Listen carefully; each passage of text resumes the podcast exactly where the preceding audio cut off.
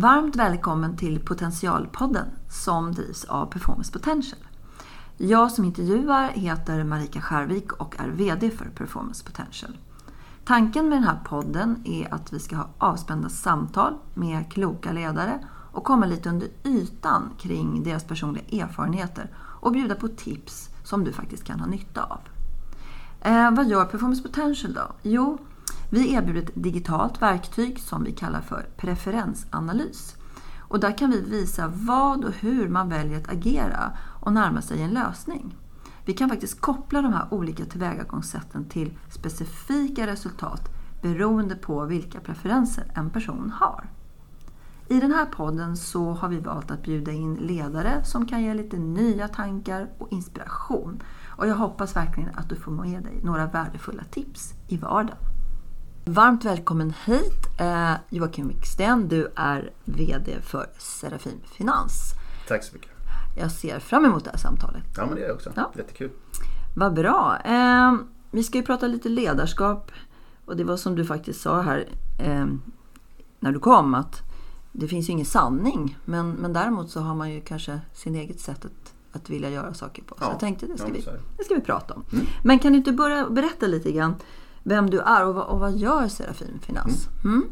Nej, men jag heter Joakim Wiksten. Eh, är runda slänga runt 40, 44 eh, år. Eh, född och uppvuxen i Norrland i ett litet samhälle mellan Umeå och Skellefteå. Mm. Född i en entreprenörsfamilj, i en mm. småskalig entreprenörsfamilj. Mamma och pappa drev företag. Och det är väl egentligen vem jag är i grunden och så sen så har jag hoppat in i bankkarriären och jobbat i, i storbank i 20 år. Mm.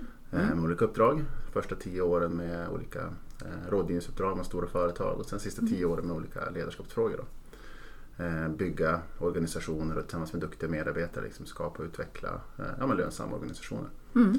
Eh, men sen eh, ja, ett och ett halvt år sedan är jag då VD på en, ett lite mindre företag, Serafin Finans. Vilket är mer entreprenöriellt uppdrag, vilket är superkul. Mm. Mm. Annorlunda utmaning i förhållande till att jobba i storbank men otroligt roligt inspirerande mm. och jäkligt skoj. Mm. Um, och när det kommer till Serafin Finans så är vi ett uh, snabbväxande finansbolag. Ska man vara teknisk så är vi ett kreditmarknadsbolag. Mm. Det säga att vi har, uh, lyder under Finansinspektionen och har ja, tillstånd som kreditmarknadsbolag vilket gör att vi kan ta emot tilllån från allmänheten. Mm. Och allmänheten får insättningsgarantin. Då. Uh, som jag sa, vi är snabbväxande um, och vi utmanar väl egentligen övriga aktörer på marknaden med en mer personlig och närvarande rådgivning. Mm. Mm. Vi vill vara en riktigt, riktigt duktig, kompetent och personlig skuldrådgivare. Ja. Vilket vi tycker att vi är. Ja. Eh, så enkelt så vi fungerar som en liten bank. Vi lånar in pengar från allmänheten eh, mm. och mm. har ägarkapital. Sen lånar vi ut pengar till företag, fastighetsbolag och till konsumenter. Då. Eh, och där vi försöker skilja oss genom att ha lite mer seniort, eh, vad ska jag säga, seniora medarbetare och mer kompetens och mm. lägga mm. tid i mötet och förståelse för våra kunder. Mm. Och hjälpa dem att hitta en optimal ja. finansieringsmix. Ja. Jag tänkte, just, jag, jag tänkte just på det när du sa att du har varit i stor bank då, så kommer från entreprenörs eh, DNA kanske på något sätt. Mm. Men på något sätt så har du kanske funnit din kombination här då, tänker jag. Ja, men lite så. Ja, jag tänkte faktiskt på det i morse när jag var ute och sprang en sväng. Att det är lite mix av det. Ja. Jag tycker så väldigt mycket om livet och karriären i storbank var jättebra. Mm. Väldigt mm. bra skola, otroligt duktiga medarbetare. Mm. Det finns otroligt mycket kompetens. Kanske att man saknar lite grann det entreprenöriella och det snabbfotade man är hemifrån. Och på Serafin Finans och Serafin-koncernen så är vi verkligen entreprenöriella i allt det vi mm. gör. Men med storbankens struktur och professionalism. Ja. Och det tycker jag verkligen är superroligt. Mm. Det är otroligt inspirerande. Jag förstår det och det är på sätt och vis två världar där som som kanske inte alltid är så lätt att kombinera. Så det måste ju vara som, ja, ja låter nej, som det... en ganska bra hand, hand i handske på något sätt. Definitivt. Tänker jag. Eh, ledarskap då, vi var inne på det här inledningsvis. Vad, vad, vad betyder det egentligen för, för dig? Ja, men det är en sån här fråga som är oerhört svår. Liksom. Mm. Eh, men jag försökte fundera lite grann inför det här. Vad, vad är ledarskap? Men för mig handlar det väldigt mycket om att, att eh, ja, men, få en, en grupp av människor eller en organisation att dela en, en uppfattning om ett gemensamt mål. Mm, mm. Det vill säga att om du har liksom ett, ett flöde med, med, med, pilar och energi så ska du få dem att rikta åt samma håll och gå mot samma mål. Då. Mm.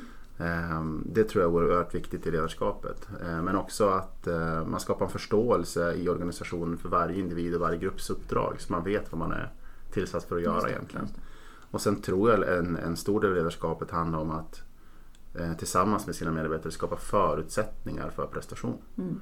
Så att om man eh, har en gemensam uppfattning vart vi ska, man har förståelse för sitt uppdrag eh, och man får förutsättningar för att prestera. Då tror jag eh, att man har grunden och receptet för en framgångsrik Mm. eh, utveckling. Och det är väl kanske det som låter så lätt men inte är så lätt Nej, kanske alla gånger.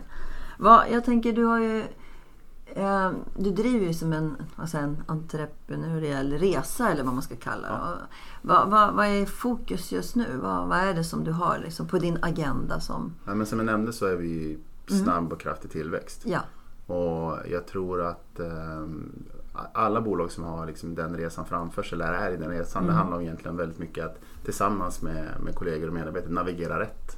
precis. Eh, Och i, på den resan liksom jobba hela tiden med den kraftiga tillväxten men att också bygga och stabilisera organisationen, utveckla och bibehålla kulturen men hela tiden ha fokus också på att skapa då kundupplevelser. Eh, Ja. Det är därifrån våra intäkter kommer. Så att hålla ihop och, och navigera och balansera de här delarna är ju eh, det som är fullt fokus på.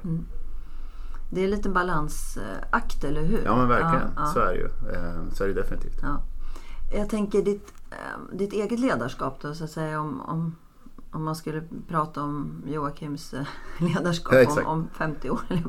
Nej, men vad känner du att det ska representera? Är det några sådana här saker som du säger, det här är, det här är ändå viktigt att jag, att jag lämnar ifrån mig på något Mm. sätt? Eller ett, Ja, men ja. Jag vill ju väldigt gärna, eh, sen är det upp till andra att bedöma, men Mm. Ja. jag vill ju väldigt gärna att, att man ska uppfattas, att jag ska uppfattas som väldigt personlig och äkta. Mm, Eh, Att man är närvarande och att man verkligen bryr sig och är genuint engagerad. Jag tror människor ser igenom de här fejkade Mm, Ja. engagemanget. Men ser man ett äkta person och ett äkta engagemang så blir det väldigt medryckande. Ja. Och det gäller ju alla medarbetare och det är väldigt starkt eh, värdeord hos oss inom Serafim att vara väldigt, väldigt engagerade. Mm, mm. Eh, Så, så det tycker jag är liksom väldigt, väldigt, väldigt viktigt. Eh, Jag vill också uppfattas som tydlig. Jag tror att man som ledare ska vara rätt, hyfsat förutsägbar. Ja. För det skapar en liten lugn och en trygghet. Mm, mm. Jag vill också att folk ska, jag menar, alla ska uppfatta en som att man har ett starkt kundfokus. Jag tror att Ja.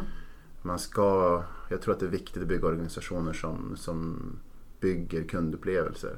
Mm. Eh, Det tror jag är oerhört viktigt. Ehm, Och förutom det så är det klart att man vill vara en ledare som möjliggör att jobba tillsammans.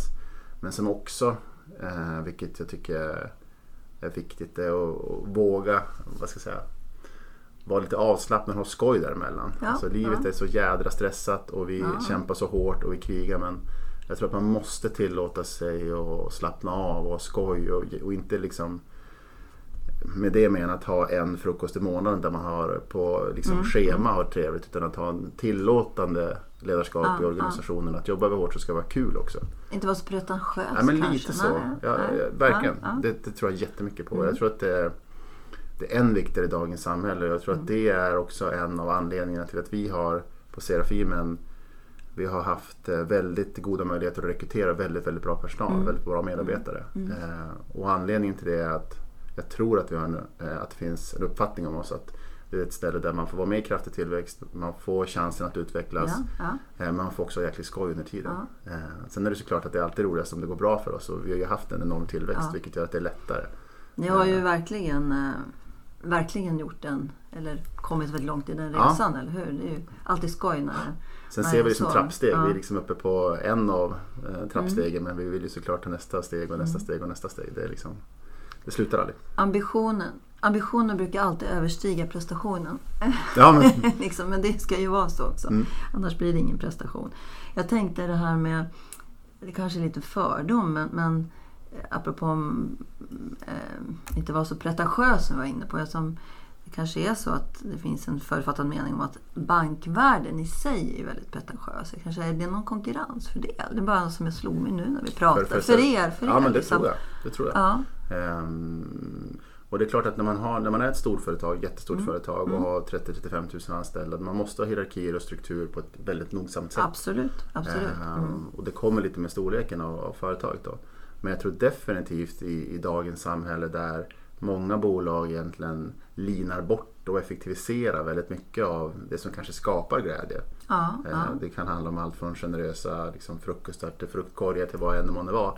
Eh, Gör vi precis tvärtom. Vi försöker se till att våra medarbetare har det väldigt bra. För vi Mm. tror att tar vi hand om medarbetarna och, och satsar på det så får vi tillbaka det i form av engagemang och passion som sen Mm. Tas ut till kunden och, och så sen är det en långsiktig hållbar affärsmodell. Det tror vi supermycket på. Ja. Och jag tror definitivt att det är en konkurrensfördel. Mm, Mm. Ja, men det är intressant att, jag tror liksom lite grann som från, tänka på det där. som från Mm. idrotten brukar man prata om att som man tränar spelar man match. Mm. Och jag tror att den kulturen som du har inne på bolaget, den kulturen får kunden känna av. Ja, ja, Uh, och ja. den tror jag jätte, jättemycket på att liksom inte gena i kurvan där utan vara genuin hela vägen. Mm. Det tror jag. Om, när du, höll jag på att säga, man går väl kanske nästan aldrig hem mentalt i, när, man, när man har ett typ av ledaruppdrag. Men när du går hem liksom efter en dag och du känner så här, det här var en bra dag. Jag känner mig riktigt, riktigt nöjd. Liksom. Vad, vad har hänt då? Är det något speciellt som du skulle vilja peka på? Ja, men- bra, kan, ibland kan det ju vara liksom bra att summera sin, de goda sakerna. Som, är det något särskilt sådär som du Ja. tänker på? Jag tror, eller jag känner... Jag, jag måste tänka på svaret. Ja, det är. Eh, Nej, men det, jag tror att det har väldigt mycket att göra när man har presterat saker. Ja. Jag tror att man har den här... När man som människa presterar så får man någon form av eh, energipåslag och känner sig nöjd. Jag tror det gäller oavsett Man har om du... lyckats på något Exakt, sätt. om du som Ja, privatperson bestämmer dig för att klippa gräsmattan och gjort det så infinner det sig en form av Ja, ja, härlig ja. känsla. Ja. Och jag tror att på, på vårt företag och för mig handlar det väldigt mycket om att ja, men, skapa, prestera tillsammans, röra oss framåt. Det roligaste är att se att vi gör det samtidigt som man ser att en kollega eller en grupp gör Mm, någonting eh, som vi inte gjort förut. Att man växer och klarar att ta sig an nya utmaningar. Du vet, Ja. Som stoltheten se dina barn har lärt sig cykla. Ja, ja. Eh, Den är helt fantastisk. På samma sätt tycker jag med ledarskapet när man Mm. ser grupper av människor ta sig an saker som, som eh, har varit kämpiga och så har Mm. man levererat och presterat på det så infinner sig en stolthet där som är, som är löjligt härlig. Liksom. Eh, Så den tycker jag. Sen är det såklart att man alltid är nöjd när vi har skapat bra kundupplevelser. När vi har levererat någonting till en kund som har möjliggjort någonting hos kunden.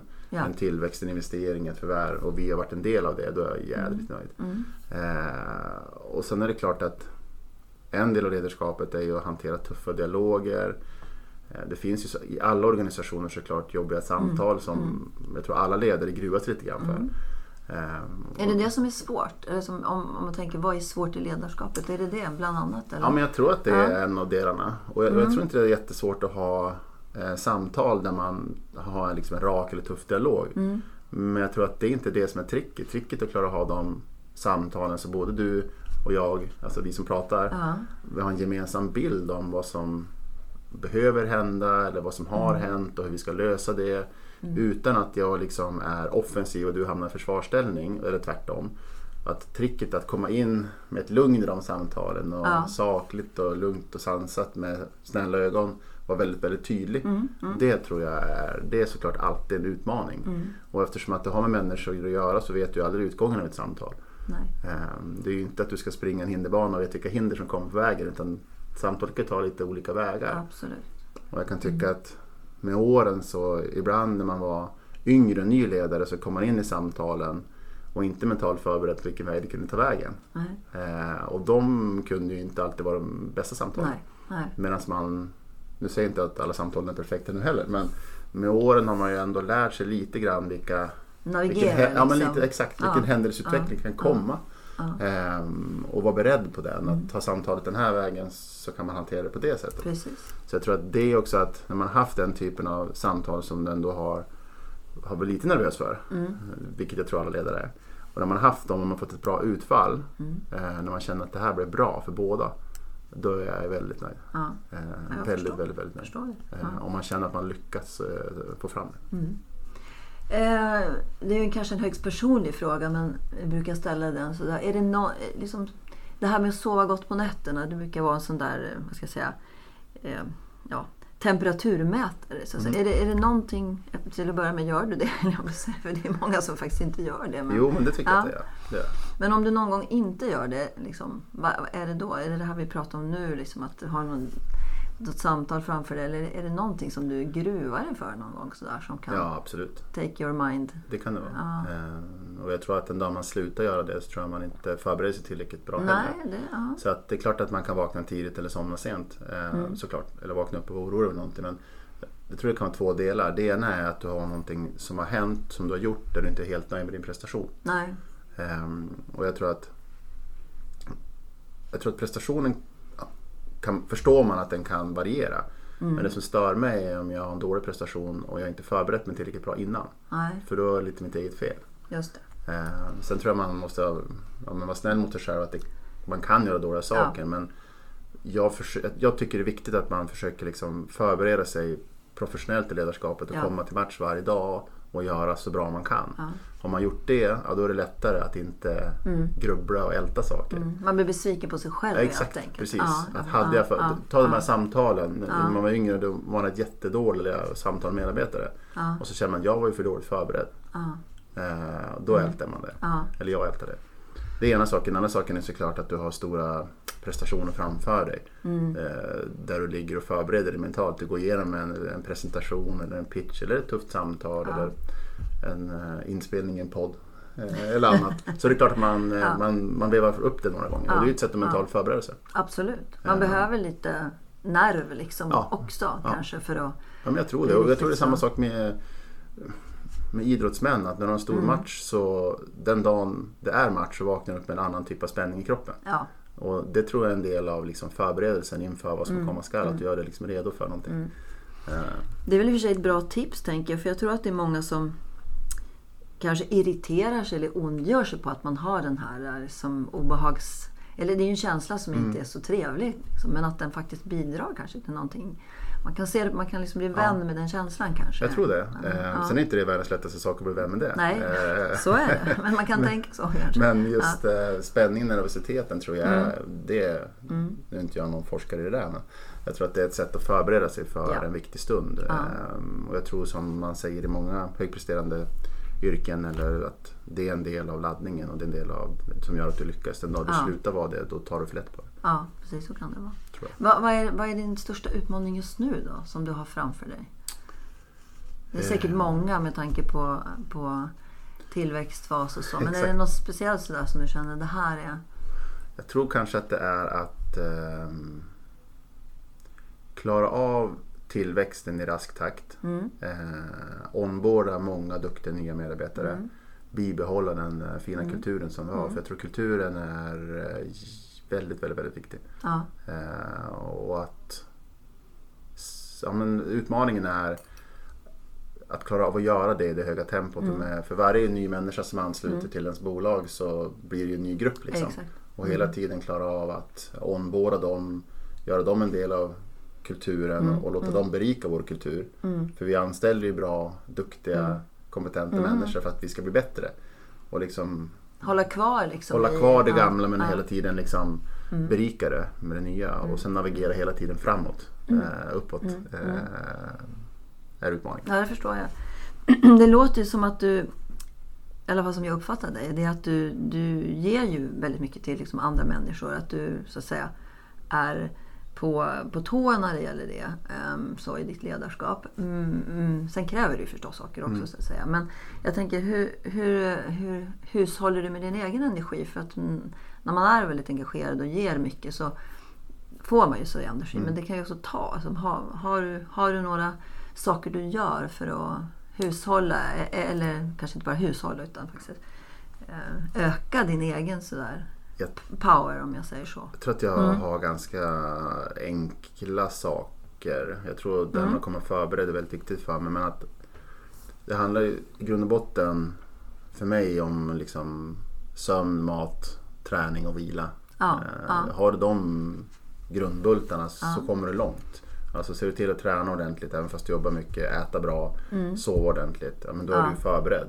precis. Slarva med dem, då, då, då, då är det kämpigare med energin. Mm, Sen tror jag det är viktigt att ha, ja, bygga bolag med den kulturen ja, som jag tror att vi har med en väldigt härlig stämning. Ja. Det gör ju att om du kommer in på en tisdag lite trött så får så du tillbaks. rycks du med av det. Ja, du får tillbaka, absolut, du liksom blir glad. Och Mm, jag tror också att det gäller att våga anställa och jobba med och umgås med människor som har olika erfarenheter, olika bakgrunder eh, så det inte blir för likriktat. För då tycker Nej, alla samma nej, sak och så nej. kan det bli spiraler som den negativa energin. Men jag tror Ja. att olikheterna gör att vi eh, både alltså att när man umgås med kompisar och familj och annat men också med på jobbet gör att Ja, man får energi. ja.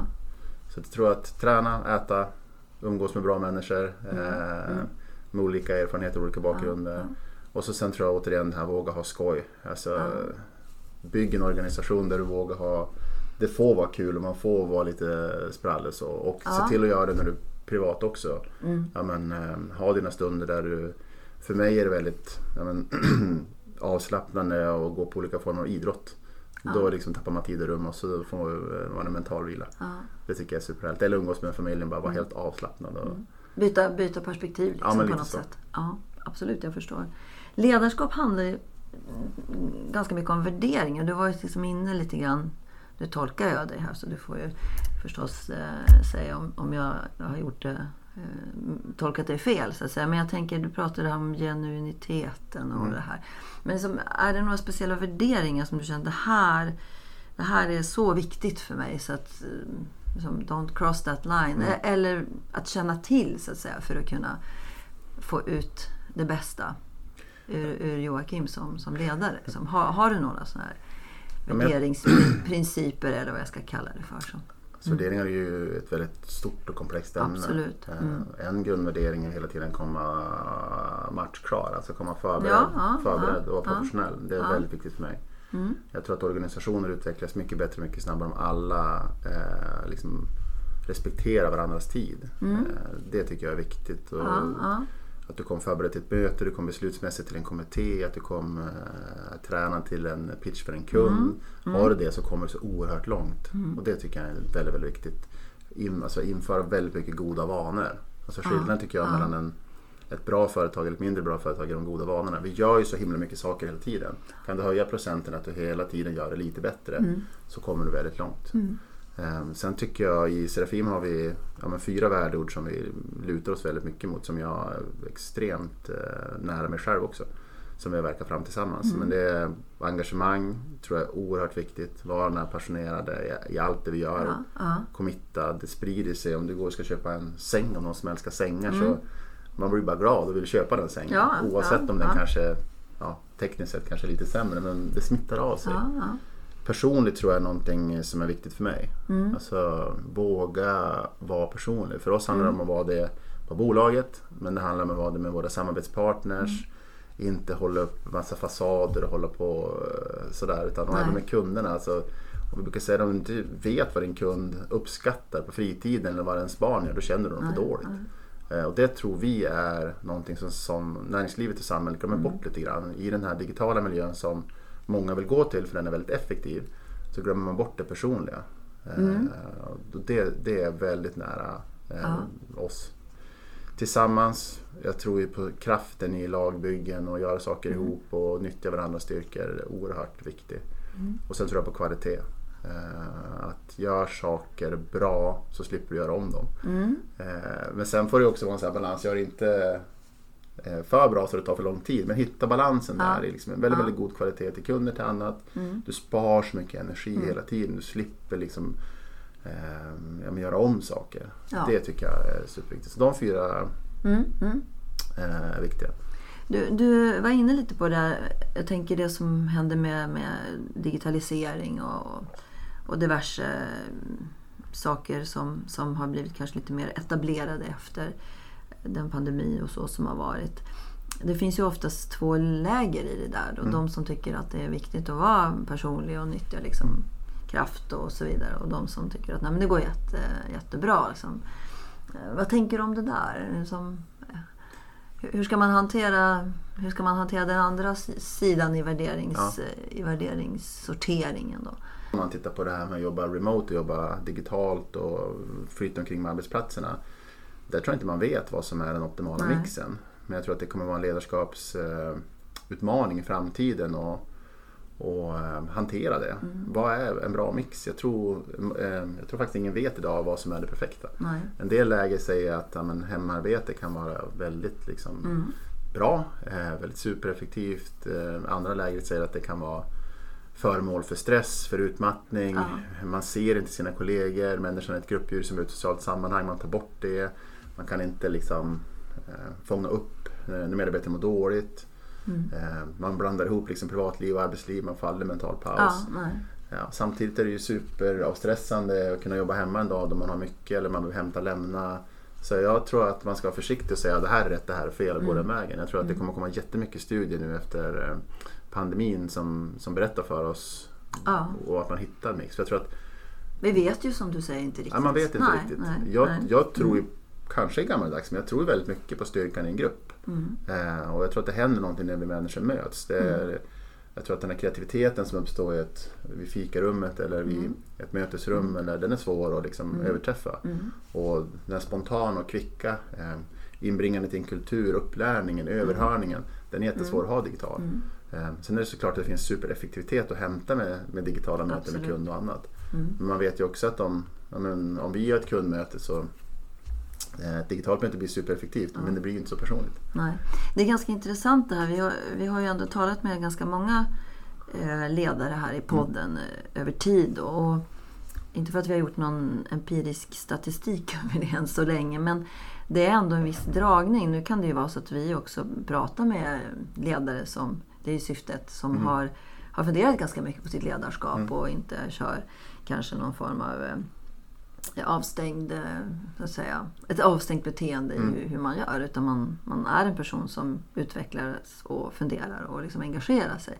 Men det stora flertalet som vi pratar med, de, de har faktiskt här, haft den här frustrationen också. att man inte under en period då inte kunde liksom träffa sina ja. medarbetare och sådär. Och det är ganska in, intressant i sig tycker jag. Ja. Att liksom, ledaren har det är inte behovet att kontrollera, för det är ju sånt man kan kritisera Mm, och mm. tycka till. Men just, just det här att man, man saknar den här energin som uppstår i, i mötet. Så att Definitivt, säga. jag håller med det, det är ganska 100%. intressant bara att, att konstatera det. Håller med. Så att säga. Och jag tror Ja, att eh, mm. som ledare är det svårt att fånga upp eh, eh, signaler när människor inte mår bra.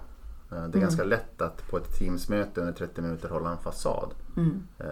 Men om du träffar den här människan i 28 timmar på en dag så är det någonting som är tokigt. Eh, så tror jag om du har ett bra ledarskap att, Att man fångar upp fram, det och kan absolut. prata om det och Ja. man kanske kan hjälpa till. Ja. Jag tror att det är svårare digitalt. Mm. Men sen som sagt mixen är det, det kommer komma fram liksom en optimal mix för respektive bolag. Eh, Ja. Hur den är det vet jag inte. Men Nej. jag tror att man ska vara flexibel i tanken hur man vill ha det. Absolut. Eh, Och ja, Mm. tillåtande. Mm.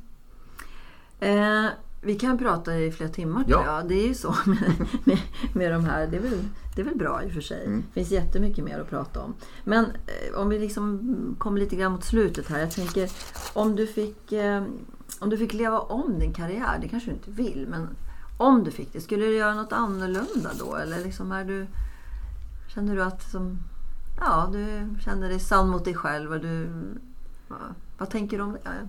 Det är en, eh, det är en svår fråga. En stor fråga Ja men det är ju det. Ja, mm. Någonstans vill jag ändå tro att man hamnar där man skulle hamna ändå. ja. Alltså ja. vägen dit kan vara lite olika men Mm. jag tror man hamnar där, man, där det är meningen att man hamnar. Mm. Ehm, sen tror jag att det är klart man har gjort, tagit beslut i ens karriärens utveckling som man har backat och gjort om. Mm. Eh, och, och då kan man fundera, ska man ha tagit en annan väg om man fick göra om det? Å andra sidan har man ju lärt sig av alla de här stegen rätt mycket vad man vill och inte vill göra. Mm. Så jag vet faktiskt inte. Jag Nej. tycker det är en eh, superbra fråga mm, men jag tror inte jag skulle vilja göra om någonting. Jag tycker Nej. att alla de stegen som jag har haft i min karriär eh, har varit lärorika. Mm. Otroligt lärorika. Det är möjligt kanske med facit i hand att jag skulle ha lämnat, jag var 20 år i Nordea. Eh, Ja. och jättebra arbetsgivare, jättefin miljö, superbra ledare, människor, kollegor. Mm. Men jag tror att ehm, om jag skulle ha rådgett mig själv så skulle jag nog ha sagt att ehm, byta arbetsgivare tidigare. Mm. För jag tror att man mår bra av, nu är det så stora arbetsgivare kan du göra massa olika saker Absolut, innan. Men jag tror absolut. att man, jag känner själv att man har blivit lite på nytt född när man kommer till en ny organisation. Mm. Mm. För mig har det varit väldigt kul att få vara mer entreprenöriell och ja, men, jobba med ett jättefint, eh, jättefin ägare och Mm. eh, det investmentbolaget som ägs och den kulturen är så otroligt och alla medarbetarna är så otroligt givande för mig och den här annan, annan, annan kultur än vad det är såklart på Nordea och det har Mm. gett mig otroligt mycket. Jag känner mig jätteglad. Du känner dig privi- privilegierad? Så att, Ja. kanske jag bytt lite tidigare. Samtidigt kände jag att jag bytte när jag var klar. Ja. Eh, och Ja. jag har liksom inte ångrat det en millisekund. Nej. Hade man bytt för fem år sedan då kanske Ja. man hade gått och funderat på att ah, man kanske skulle vara kvar lite. Så jag vet inte. Det är timingfråga det Ja, också. så är det. Ja. Om du skulle Om du skulle dela med dig av några, säg dina tre bästa insikter eller lärdomar sådär. Skicka, skicka med något litet paket höll jag på att säga. På, vad, vad skulle det vara om du fick, fick... Många bra frågor här. Ja. Eh, jag tror att i grund och botten, eh, om du jobbar med ledarskap, Mm. eh, förstå marknaden som du jobbar i. Mm. Eh, förstå ditt eget bolags DNA. Mm. Ta tid och alltså investera tid i det så du förstår det. Det tror jag är jätteviktigt. Mm.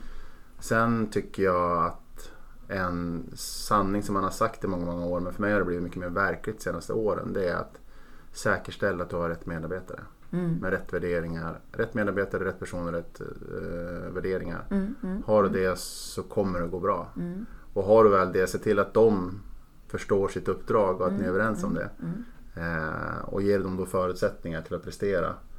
Ja, då tror jag du har en framgångsmix. Mm. Sen är inte det världens lättaste saker att göra, men, men jag tror verkligen på det. Så, alltså, med, ha rätt kollegor, bygg rätt kultur. Mm. Eh, då kommer du väldigt, väldigt långt. Och har man inte så att säga definierat det så kommer det inte hända heller. Så det är i alla fall en bra, en bra så att säga, start på, på, på, på den resa som man kanske som ledare vill, vill vara på Mm. eller vill ta med andra på helt Mm. enkelt.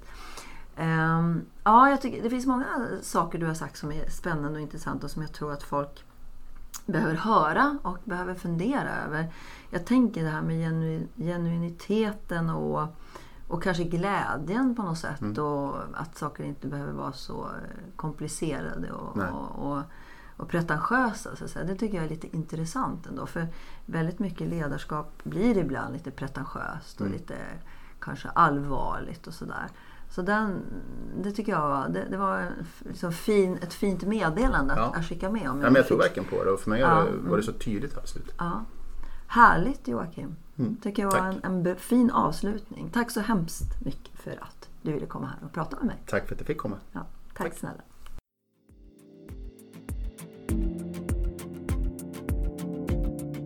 I idrottsvärlden känner varje individ till sin process för prestation och leverans ganska väl. Men i näringsliv och organisationer är det ofta en otränad och kanske omedveten kunskap. Performance Potentials digitala verktyg, som vi kallar för preferensanalys, används just för att ta fram teams och organisationers sätt att leverera. Och sen matchar vi det med kundernas krav på agerande. Genom den här metoden får både individer och organisationer en möjlighet att nå sina mål och få bästa utfall av sina planer. Därför att man på förhand faktiskt kan förutse hur människor kommer att agera. Så hör gärna av dig så kan vi berätta mer om hur det går till.